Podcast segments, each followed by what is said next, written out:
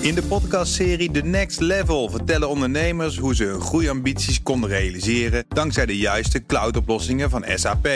Wat waren de uitdagingen, de oplossingen en hoe ging de uiteindelijke implementatie? Benieuwd naar hun verhalen en hoe zij met behulp van SAP ook hun toekomstige ambities kunnen behalen? Luister de podcast The Next Level via de BNR-app of je favoriete podcast-app. Het aantal werknemers dat te veel informatie moet verwerken loopt op. En in hoeverre kun je je verdedigen tegen diefstal van bedrijfsgeheimen? Dat en meer komt ter sprake in het ondernemerspanel. Bestaande uit Boris Veldhuizen van Zanten van de Next Web. Mark Berendsen, directeur en partner bij Start. En mijn zakenpartner is Jacqueline Smit, oprichter van Rockport Inc. Welkom allen. Laten we beginnen bij jullie eigen nieuws. Mark, jij mag aftrappen. Nou, er was ontzettend veel uh, nieuws uh, deze week. Het was hartstikke druk. Jullie zullen het wel druk gehad hebben. Uh, met Assange en, en Sissy Boy failliet. En Uber aankondigt dat ze naar de beurs gaan. En, en Soudaan. Um, om over het beeld van het zwarte gat maar te zwijgen. Maar dat, dat gaat mij conceptueel veel te ver. Daar kan ik helemaal niets aan toevoegen. Mijn nieuws gaat over mijn, mijn muzikale held... die helaas al bijna drie jaar dood is, Prince. En een jaar na zijn overlijden heeft een, een, een, een geluidstechnicus, iemand die met hem bezig was in de studio, een EP uh, online gereleased. Precies op de, op de sterfdag. Um, ik heb hem natuurlijk wel even snel gedownload, maar binnen, binnen volgens mij twee, drie dagen was hij eraf. Um, natuurlijk uh, van klachten van de erven van Prince. Wat overigens een chaos was, want hij had geen testament. En, en nu, uh, bijna drie jaar dus na zijn overlijden, heeft de, de goede man uh, een boete gekregen. Of in ieder geval moet hij van de rechter 4 miljoen dollar overmaken aan de estate. Dus er wordt nog goed gepast op zeg maar, de, ja. de, de muziek, het muziek van, van Prince. Maar het, het was toch ook zo dat Prince eigenlijk heel erg tegen digitale platforms zoals, ja, Spotify. Ja. Um, dus het is ook niet zo verbazingwekkend dat die erven daar echt nog uh, ja, Als het, echt stevig ja, grip op willen hebben. En, en, en, moet eerlijk zeggen, nog voor zijn dood stond hij al wel op Spotify. En ja op, ja. uh, op het platform van Ik weet dat, uh, volgens mij was toen bekend, hij, hij, hij, overleed. En toen had DWDD had iets nodig van Prince. Want die wilde daar de uitzending mee beginnen. En die kon helemaal niks vinden. Dat was geen goede beurt toen. Nee. Dat was te kort voor hun uitzending, echt letterlijk. Mijn vraag is nou, uh, want je hebt dat album gedownload en een paar keer geluisterd. dus voel je je verplicht om iets bij te dragen aan die boete van 4 miljoen? Dat, is een goeie. Ja, ja ik heb er wel iets voor betaald trouwens. Maar aan de, aan de meneer die nu moet overmaken aan het estate. Ja, ja, ja dan heeft hij dus, dus misschien ook geen financieel probleem. Je bent toch onderdeel van het probleem. Een beetje verantwoordelijkheid. Je ook gelijk in. Maar dan ben je zo fan dat je gewoon die muziek wil horen. En dan maakt, maakt ja, ons de afweging niet meer uit. Ja. En mijn vraag, was het uh, goed? Ja, zeker. Uh, kun je ook nog kritisch zijn over werk van Prince? nee, maar ben jij zo'n fan dat alles wat er uiteindelijk nog van Prince verschijnt of verschenen is, klakkeloos als geweldig? Uh, nee, helemaal niet. Nee, nee, ik vond die uh, laatste album Hit and Run van Gamma niet goed. Oeh. Nee. Oeh. Goed. Boris, um, Jij hebt uh, eigen nieuws, of althans nieuws dat er aan zit te komen. Namelijk de conferentie, de conferentie die organiseren. Ja, ja, ja, dus dat het begint wel een beetje spannend te worden bij ons. Maar ik, er was één spreker waar ik echt heel erg enthousiast over eh, ben. En dan ben ik al jaren probeer ik die naar uh, Nederland te krijgen. En dat is uh, Guy Kawasaki. Ik weet niet of de naam jullie iets ja. zegt. Ja, wel. Een begrip onder Apple-kenners, maar ook marketeers. hij is eigenlijk de man die de term evangelist heeft uitgevonden. Hij is in 1983 bij Apple gekomen. En, en de wereld is altijd vol van het marketingtalent van Steve Jobs. Maar hij is eigenlijk de man die dat heeft bedacht allemaal. Dus hij zei ook, ja, het is niet een product wat we aan een klant verkopen. Nee, het is een eh, soort cult-like status. Het is een kunstobject. Uh, we gaan dat, dat hele verhaal gaan we mooi maken. En, en daar kwam dan ook de term evangelism ah. vandaan. Dus wel de Apple-fans als de Apple-haters... Die, die zijn zich hiervan bewust. En deze man komt, uh, ja, dat is de opening, uh, openingsspreker op onze conferentie. En waar werkt hij nu? Nog steeds bij Apple of niet? Nee, hij is na vijf jaar weggegaan. Zijn, zijn eigen verhaal daarover is... I started believing my own bullshit. Dat hoorde, ja, hij zei, ja, ik werd gewoon te arrogant. Het verhaal was te goed. Ik moest daar weg. en daarna heeft hij ja, van alles gedaan. een paar boeken geschreven, die ik ook heb gelezen. Leuke maar lukt het hem nog steeds, ook bij andere bedrijven... om ervoor te zorgen dat er zoiets ontstaat en bestaat als een soort cultus? Dat is natuurlijk de vraag. Nou ja, dus hij, hij doet voor bedrijven af en toe dingen. Um, maar het grappige is dat hij wordt ook gezien als een van de allerbeste keynote speakers van de wereld. Dus hij is vooral heel goed in een verhaal uh, vertellen. En dat zie je ook in zijn boeken. Dat leest heerlijk. Het gaat over marketing eigenlijk. Aanraden voor iedere start-up eigenlijk. Voor eigenlijk iedereen met een product. Uh, om, om die boeken te lezen. Uh, en je leert vooral goed. Ja, je merkt gewoon dat dat echt zijn kracht is. Een verhaal vertellen. Ja, maar je hebt natuurlijk ook keynote speakers die ooit iets goeds gedaan hebben en daarna vooral op podia staan en boeken schrijven, waarvan ik me wel eens afvraag, ik, ik mag ze soms ook introduceren of een vraag stellen, dan denk ik ja, Wanneer ga je zelf weer eens wat doen? Ja, ja. Nou, hij, dat, ik kan me voorstellen dat hij die periode bij, bij Apple wel, wel echt als het hoogtepunt uh, ziet. Um, want als je het daarmee vergelijkt, ja, hij heeft niet daarna nog zoiets gedaan waarvan je zegt: Oh ja, daarna heeft hij nog. Nee, dat niet. Maar die boeken zijn echt wel ja, internationale bestsellers. Dus Alle reden om toch te komen. Ja, ik denk als, als hij alleen bekend zou zijn van die boeken, dan zouden we hem ook waarderen. Ja. Hij heeft een boekje geschreven over Google Plus. Helemaal, uh, What the Plus heet het. Oh. ja. nou ja, goed, het maakt verder niet uit dat hij daarover geschreven heeft. Maar dat, dat bestaat inmiddels niet meer. Nee, nee. Uh, over Google gesproken. Wil jij het hebben over andere dingen die ook niet meer bestaan? Ja, ja, ja, nee, ze bestaan in ieder geval niet meer. Maar het gaat over de Google Ethics Board. Uh, waar afgelopen week over bekend werd dat dat uh, ook weer gestopt is. Dat is volgens mij niet zo heel oud nog. Uh, het heeft niet zo lang ongeveer. bestaan. Um, en, dat, en, wat ik, en, en het, het doet mij gewoon nadenken over hoe gaan we dat met elkaar regelen. Want je ziet, hè, het ging over. in ieder geval ging de Ethics Board zou over artificial intelligence gaan. Facial recognition onder andere. Maar ook fairness. Hè, en hoe doen we dan machine learning? Inclusiviteit wie sluiten we uit? Wie sluiten we in? En wat mij daar gewoon in bezighoudt, is wat gebeurt er nou? Wat moet ik nou vinden van het feit dat mensen van binnenuit zeggen. Wij zijn het niet eens met deze boord. Ja, en... Omdat er mensen in zaten met bepaalde achtergronden en bepaalde opvattingen. Dat klopt. En, uh, dus, dus maar goed, wel een ethics board, maar niet deze ethics. Klopt. Dat is het. maar de vraag is of je dat niet altijd hebt. He, want uiteindelijk gaat het volgens mij om het morele kompas van het bedrijf zelf. En of ze het echt serieus nemen of niet. Of dat het een soort excuushandeling is om te zeggen in alles wat wij doen. Ja, maar dat doen we goed, want we hebben een ethics board. En ik was er gewoon over het nadenken. Dacht van hoe zou je dat nou op een goede manier kunnen doen? En toen kwam jij met een alternatief model. Nou, oh. en toen dacht ik, ik denk echt dat het gaat over je morele kompas. Ik denk echt dat het gaat over doorvoeld in tegen willen zijn. Hoe je het ook organiseert. En als dat zo is en als je dat reguleert, dus dat je zegt, zo kijken wij hiernaar, dit is hoe wij het doen, sluit je daarbij aan of niet, mag ook. Maar als je hier werkt, doen we het op deze manier en dan houdt iedereen zich aan. En maar dat als het is morele kompas bepaald wordt door zo'n board, waarin bijvoorbeeld iemand zit die hele strenge opvattingen heeft over uh, homo's, over uh, gen transgenders. Ja. Dan is het toch niet zo gek dat werknemers zich afvragen: oké, is dit dan degene die mede ons morele kompas bepaalt? Nee, maar mijn punt is ook niet dat je dat dan vanuit die ethics board moet doen, maar dat je het vanuit het bedrijf zelf doet en op basis daarvan de ethics board samenstelt. dus dat je zegt: dit zijn de regels waar je aan hebt te houden. Overigens was het ook zo dat het, zij was volgens mij ook nog of hij een lawmaker. Dus er zat ook nog een beïnvloedingsstrategie achter. Nou, ik was in ieder geval, dacht ik, ik volgens mij was het van alles, maar niet een ethics board. Nou, ik, ik, ik moet heel erg aan Mark Zuckerberg denken die, die juist, als je het hebt over het moet uit het bedrijf zelf komen, ja, die, die, die zat gewoon niet zo met privacy kwesties. En dat, dat zit hij denk ik nog steeds niet vanuit zijn diepste uh, uh, persoon.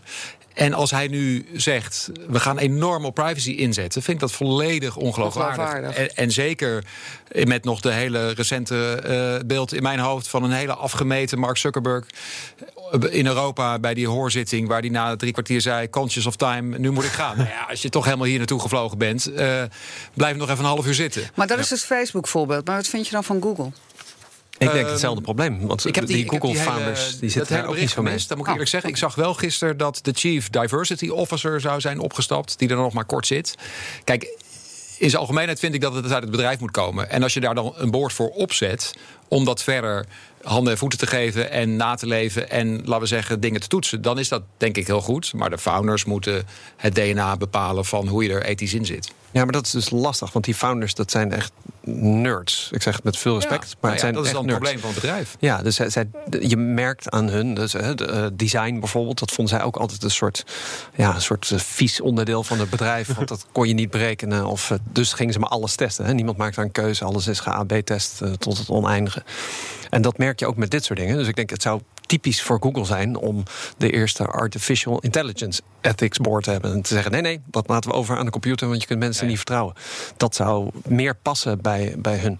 Dus het is, het, is ook een soort dilemma. Als je zegt: ja, het moet uit het management komen. Maar wat nou als het management dat niet, management dat niet heeft? Als je nou als founder merkt aan jezelf: ik heb geen verstand of interesse in design. Nou, dat, dat is dan zeg maar, de, de Zuckerberg-situatie. Uh, ja. Over Google vind ik lastig. Ik heb er zelf uh, ruim zes jaar gewerkt. En, daarom is het ook wel interessant gezien dat ik het.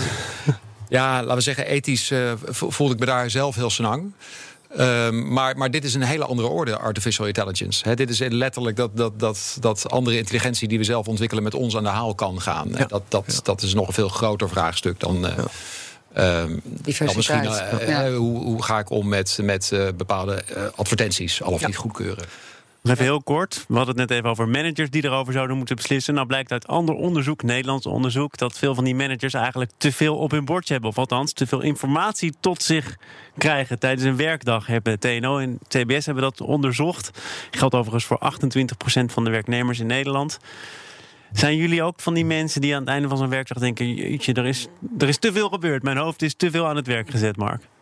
Nou, kijk, je, krijgt ontzettend veel informatie op je af. En um, in die jaren waar ik net over sprak bij Google was het absurd. Maar, maar volgens mij is de, de kwestie die, die hier aan het licht is gekomen, is wanneer leid je eronder? En dat is natuurlijk wanneer je het gevoel hebt dat je het ook allemaal bij moet houden. En dat gevoel heb ik helemaal niet. Ik, ik vind het een, een ja, laten we zeggen, overdreven eh, idee om, uh, om, om ook, het, ook jezelf op te leggen dat je dat allemaal zou moeten lezen of, of daar notie van Je skipt vanzelf wat je wel of niet belangrijk vindt. Ja, en ik denk dat dan de talent aan, uh, dus je kunt je misschien laten helpen tot op zekere hoogte door tools, slimme filters. En, en voor een ander deel moet je gewoon een, een, een, slimme radar hebben die dingen eruit filtert. En een van de dingen die voor mij altijd werkt is het piepsysteem. Namelijk als je iets gemist hebt en iemand vindt dat het belangrijk is dat je het weet, piept hij wel even. En zegt hij, hey, uh, heb je nog naar mijn mail gekeken of mijn berichtje gezien? Ja, ik heb geleerd van mijn dochters. Dus die, uh, ik, heb op mijn, ik wil mijn inbox leeg. En ik wil niet. Er moet geen app zijn met zo'n rood ballonnetje met een nummer erin. Want dan word ik al heel nerveus. Maar dan kijk ik op de telefoons van mijn dochters. En die hebben dan 36.000 ongelezen berichten in WhatsApp. En dan denk ik, hé, hoe, hoe, kan dat? Hoe ga je daarmee om? En dan zeggen ze, ja, ik zit in zo'n in zo'n groep. En dan komen gewoon duizend berichten per dag. Dan zeg ik, hé, maar dat kun je toch niet bijhouden? Nee, maar dat doe je ook helemaal niet. Dus voor hun is die information overload is helemaal niet een issue. Net zoals. Maar jij hebt een digitale e-mail manager. Dat heb ik wel. Dat weet ik. van de redactie die jou wel eens probeert te bereiken. Ja, ja en die krijgen dan een uh, ja, geautomatiseerd iets terug. Dat is waar. Dus ik heb ook wel tools inderdaad. Maar toch is het, uh, het zit veel meer. Je kunt tools hebben, maar het zit veel meer in je hoofd. Dus ik denk, als wij een krant krijgen, dan denken we ook niet: oh mijn god, wat een hoop informatie krijg ik nooit helemaal uitgelezen. Nee, je cherrypikt een beetje. Je, je browst wat titels. Af en toe word je ergens ingezogen. Het is heel casual. Niemand heeft het over information overload, over een krant. Of uh, dat je een bibliotheek inloopt. Dat je denkt: oh mijn god, al deze boeken kan ik al nooit lezen, stress. Maar, bij een museum zou je het wel kunnen hebben. Ik ben nu in het Louvre, dan moet ik ook al die vijf verdiepingen pakken. Dat, ja, dan moet je, dus erin met, ik wil nu vandaag die en die zaal uh, bekijken. Dan heb en dat is ook, dus een ondernemer die zegt, je moet proberen per dag twee dingen voor elkaar te krijgen. niet 100, niet 36, nee, gewoon twee. Twee belangrijke dingen. En als je dat ochtends voorneemt, dan heb je een productieve dag. En we gaan praten over bedrijfsspionage. Nu is het zo dat verschillende politieke partijen willen dat Huawei in de band gaat bij het aanleggen van 5G-netwerken. Dat is een reactie op het nieuws van gisteren dat Chinese spionnen bedrijfsgeheimen hebben gestolen van de chipmachinemaker ASML. Uh, over gezegd ASML, ja, het zijn medewerkers. Het is helemaal geen nationaal complot tegen het bedrijf. Mark, Jij maakt op mij de indruk dat je hier wel iets over wil zeggen. Je bent ook lid van het panel, dus ga je gang. Ja, ja nou, ik vind sowieso zeg maar, de, de beslissing nu in één keer door politici om heel stellig tegen Huawei te zijn, naar aanleiding van het ASML-verhaal.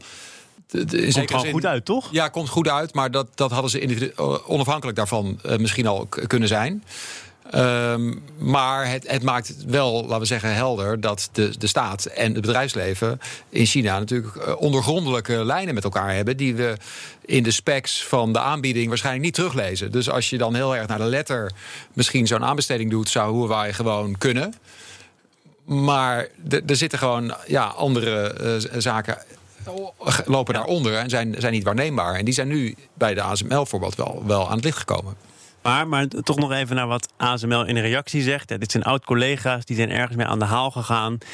Dat kan gebeuren. Het kan overigens minder makkelijk gebeuren, want we hebben maatregelen getroffen. Niet iedereen weet overal meer van. Maar het gaat te ver om hier China meteen aan te wijzen als de grote boosdoener. We verkopen heel veel aan China. Ja, ja nee, nee, dat is een commercieel belang. Vooral proberen nu in, in, denk ik, in deze storm uh, te laten overleven. En, en nou ja, laten we zeggen, uh, te beheersen. Ja. Ik denk ook, het, het, is, het gaat te ver om te zeggen... oh, dit is een complot van China. Maar je zou kunnen zeggen, er is wel een cultuurprobleem. Bij een bedrijf, als je een bedrijf hebt... waar heel veel mensen uh, stelen uit de kast... denk je, hey, hoe komt dat? En, en, uh, en wil ik met dat bedrijf zaken doen? Ook al zou je kunnen zeggen, nee, maar het zijn die individuen. Dus het is wel een groter... Ja, het is een cultuurverschil. Maar ik vond het ook te ver gaan. Eh, dus met Huawei denk ik, ja... Kijk, als we het vermoeden hebben dat er iets niet klopt... laten we dat dan goed uitzoeken. En als dat zo blijkt, nou, dan kun je daar actie op ondernemen. Maar het klinkt allemaal meer als geruchten en vermoedens. In de Verenigde Staten zeggen ze... Huawei blijft buiten de deur. Daar gaan we niet mee in zee. Europa zegt volgens mij, Europees gezien, dus we sluiten niemand op voorhand uit. We moeten dat allemaal wel goed onderzoeken. Ja, daar sta ik wel achter, in die Europese strategie. Maar, we moeten niet naïef zijn. En inderdaad, de Chinezen en de banden met het bedrijfsleven lopen gewoon langs hele andere lijnen dan wij kunnen bevroeden. Dus je kunt op een gegeven moment ook zeggen van. Hmm, misschien dan bij twijfel niet oversteken. En, er wordt steeds Huawei genoemd. Ik vraag me af, zijn er geen andere technische uh, partijen die dit ook kunnen? Het lijkt wel alsof het soort dat die op iets unieks, unieks zitten. Nou, Huawei wordt genoemd omdat er dan achteraan wordt gezegd... zij zijn het verst met deze technologie en zijn relatief goedkoop. Hmm, goedkoop. Ja, Juist. goedkoop, duurkoop zou je kunnen zeggen. Made in China. Ja. ja. ja. ja. Nou, Jacqueline? Nou ja, ik heb er ook naar gekeken. Ik denk, ik denk dat, het, dat het, het is inderdaad een cultureel verschil. Ik van de week was ook bij Jinek volgens mij een hele discussie over hoe we dan met China om moeten gaan. Of met, met eh, andere culturen dan de Europese. Dan lig ik al in bed hoor. Ja, nou precies. Uh, de Europese culturen ten opzichte van de Aziatische culturen, dat zij er anders naar kijken. Uh, volgens mij moet je dat inderdaad goed onderzoeken. maar je moet ook niet naïef zijn. Het is onderdeel van, van een globale economie volgens mij. dus je hebt ermee te dealen. Overigens nog even over ASML. Een oud bestuurder die kwam aan het woord in het FD en die zegt: ze denken dat ze zo ver zijn dat ze niet kunnen worden gekopieerd door het apparaat uit elkaar te halen en opnieuw te ontwerpen. Maar dat is echt heel naïef. Denkt ASML ook dat ze zo ver voor de troepen uitlopen dat dat uniek is? En is dat helemaal niet zo? Ik hoop het niet. Dat is het begin van het einde, toch uiteindelijk? Ja, dus die chip. Het is, een chip is inderdaad niet iets waar, wat je even uit elkaar kan schroeven en dan kan, kan, kopiëren. Dat geloof ik wel. Ja. Dat, dat, daar, daar is het iets te ingewikkeld voor. Ja. Alleen die bedrijfsspionage aan zich was dan weer niet zo ingewikkeld. Het wordt wel plechtig opgeschreven. Geheugendragers naar buiten brengen. Ja, dat is toch een USB-sticky? Ja, USB-sticky. ja, maar de meeste datalekken gaan ook zo. Bedoel, dat zijn, dat, de meeste datalekken zijn geen hacks. Dat is een laptop die gestolen wordt van een achterbank... of, of, of, een USB-stick ergens. Ja. Nou, dan worden er waarschijnlijk eh, procedures opgesteld... of het komt een nieuw reglement. En dan kan het allemaal niet meer gebeuren... of een stuk minder makkelijk gebeuren. Uh, is, is dat schijnveiligheid? Nou, het is een, een red race, noemen ze dat, geloof ik. Hè? Dus het is altijd een gevecht tegen efficiënt werken. En het is super handig om data uit te kunnen wisselen op USB-stickjes. En dan wordt er weer wat gestolen en dan stop je alles weer dicht. En dan, dus je zwabbert een beetje van links naar rechts. Ja, die strijd houdt nooit op, denk ik. Nou, en ik denk ook dat, dat ook daar, hè, ik weet eh, bij Microsoft, als wij al iets op USB-sticks meekrijgen, dan moest je dat beveiligen en met codes. En ook al werd het, en dat was ook voor je laptop overigens zo, ook voor je mobiele telefoon zo. Dus op het moment dat je hem kwijtraakt of iemand steelt hem van je, dan kunnen ze er niets mee. Of in ieder geval niet de gemiddelde burger. Hè. Uiteindelijk zal mensen die er heel goed in zijn, misschien nog steeds iets mee kunnen. Maar in ieder geval dat je een aantal dingen in plaats brengt, dat het iets minder makkelijk is dan dat het over algemeen blijkt te zijn. Ja, dus jullie hebben allebei gewerkt bij hele grote bedrijven, Google, Microsoft. Zit het daar in de hoofden? Let op, wat we hier weten, dat is gevoelig, dat mag niet naar buiten. Ja. Mark? Ja, geen foto's eh, binnen het pand. Ik weet dat ik ooit eens met een groep mensen naar, naar het hoofdkantoor ging. En die moesten natuurlijk ook tijdens de, de summit die we hadden af en toe eens naar het toilet. Toen was ik op een gegeven moment zo naïef om te zeggen: hier is mijn pas. En dat toilet was echt letterlijk om de hoek. Waarop er binnen vijf minuten een hele grote meneer. Wie leidt deze groep hier? Kom jij eens even hier. Of ik dat nooit meer wilde doen. Ja. En wilden die mensen naar het toilet? Ja, natuurlijk. Oh, toch wel? Ja, je weet het niet. Onze relaties, die vertrouwen wij. Wauw. Nee, hetzelfde. Ik weet, bij Microsoft hebben ze elk jaar een hele grote internationale meeting... waar alle productpresentaties eh, zijn. Waar je als je binnenkwam eigenlijk al hele grote borden stonden... van dat iedereen die daar iets mee deed, uh, daar stond direct ontslag op. Ook omdat het gewoon concurrentiegevoelige informatie eh, was... en het bedrijf erg op achterstand zou zetten. Um, en dan denk je, nou, dat zal wel meevallen. Uh, totdat je merkt dat als iemand dan daadwerkelijk een foto twittert, dat hij ook niet meer bij Microsoft werkzaam was. Uh, dus dat was een reden om, om direct te ontslaan. En ik denk als je dat soort strikt beleid hebt, hè, ik weet niet of die post dan ja, misschien wat. Hè, maar in ieder geval, zo werkt het wel. Want overal waar je een klein beetje speling geeft, dan gaat het op een gegeven moment toch een gewoonte worden om er makkelijker mee om te gaan. Dus ik weet dat ze bij Microsoft, volgens mij was het bij Google ook zo, ongelooflijk streng zijn daarop. Over nieuwe dingen van Google gesproken. Google Jobs zou naar Nederland komen. Daar wordt in ieder geval stevig over gespeculeerd. Um, ligt dat inderdaad voor de hand, Boris? Oh, sorry, ik was even afgeleid. Wat was, was je vraag? Zeg nog eens. Ik begin wel bij Mark. ja, ik was helemaal verleden bij Google. Ik dacht, wij zijn helemaal niet streng bij mijn bedrijf. Dus iedereen mag foto's maken. Ja, ik heb nooit uh, nauwelijks geheimen. Dus ik was even helemaal nee, daarover aan de boeken helemaal open moeten doen voor, de, dus twitteren. voor de laatste voor deal. De due diligence, ja. precies. Nou, ik wil het hebben over Google Jobs. Dat zou naar Nederland komen. Daar wordt stevig over gespeculeerd. Steeds meer geruchten. Um, kan Google Jobs een potje breken hier? Ja, kijk, de, de missie van Google, en die zit er natuurlijk diep in, is organize the world's information. En daar hoort dit wel bij. Dus natuurlijk moet je banen ook in kaart brengen. Maar en, en ik denk ook dat het vast een aanvulling is. Maar er is heel veel. Hè. Ik bedoel, er is Indeed, er is LinkedIn, er is Glassdoor. Dus denk nou niet dat, dat het opeens iets een schokgolf teweeg gaat brengen. Wij zijn echt een LinkedIn-land, heb ik wel eens begrepen. Als je kijkt naar hoe LinkedIn er uh, internationaal voor staat, is er bijna geen percentage Ehm, van de bevolking oh, ligt hoger dan in Nederland. Ja, we zijn vroeg heel veel bij, we waren LinkedIn gekomen. Ja. Ik ben ook al van 2006 of zo. Dat is best, uh, Kijk je er wel eens op? Oh, eh, elke dag. Ja, ik ben echt, dat is het enige sociale netwerk waar ik op zit.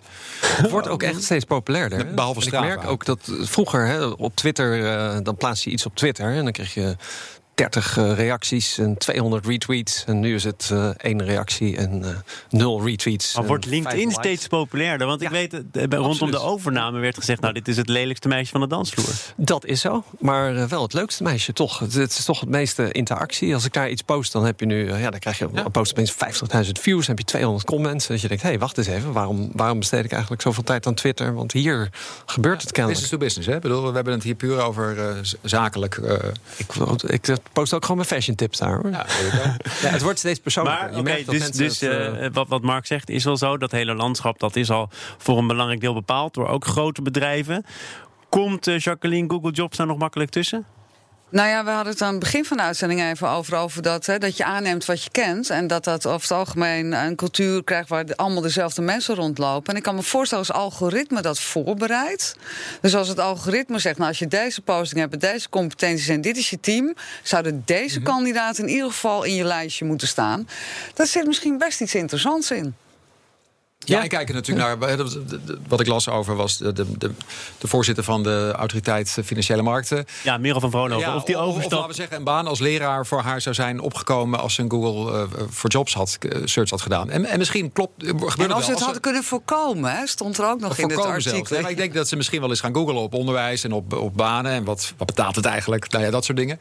En misschien dat Google dat dan zou combineren. Dat is dan een, een, een, laten we zeggen, een unieke plek die Google kan hebben in deze ja, industrie. Kan niet wachten op de klachten. Ja, precies. Ik ga die niet afwachten en jullie bedanken voor jullie deelname aan het ondernemerspanel. Mark Berendsen, Boris Veldhuizen van Zanten en Jacqueline Smit, mijn zakenpartner van vandaag. Dank, tot de volgende keer. Tot de volgende keer. In de podcastserie The Next Level vertellen ondernemers hoe ze hun groeiambities konden realiseren dankzij de juiste cloudoplossingen van SAP. Wat waren de uitdagingen, de oplossingen en hoe ging de uiteindelijke implementatie? Benieuwd naar hun verhalen en hoe zij met behulp van SAP ook hun toekomstige ambities kunnen behalen? Luister de podcast The Next Level via de BNR-app of je favoriete podcast-app.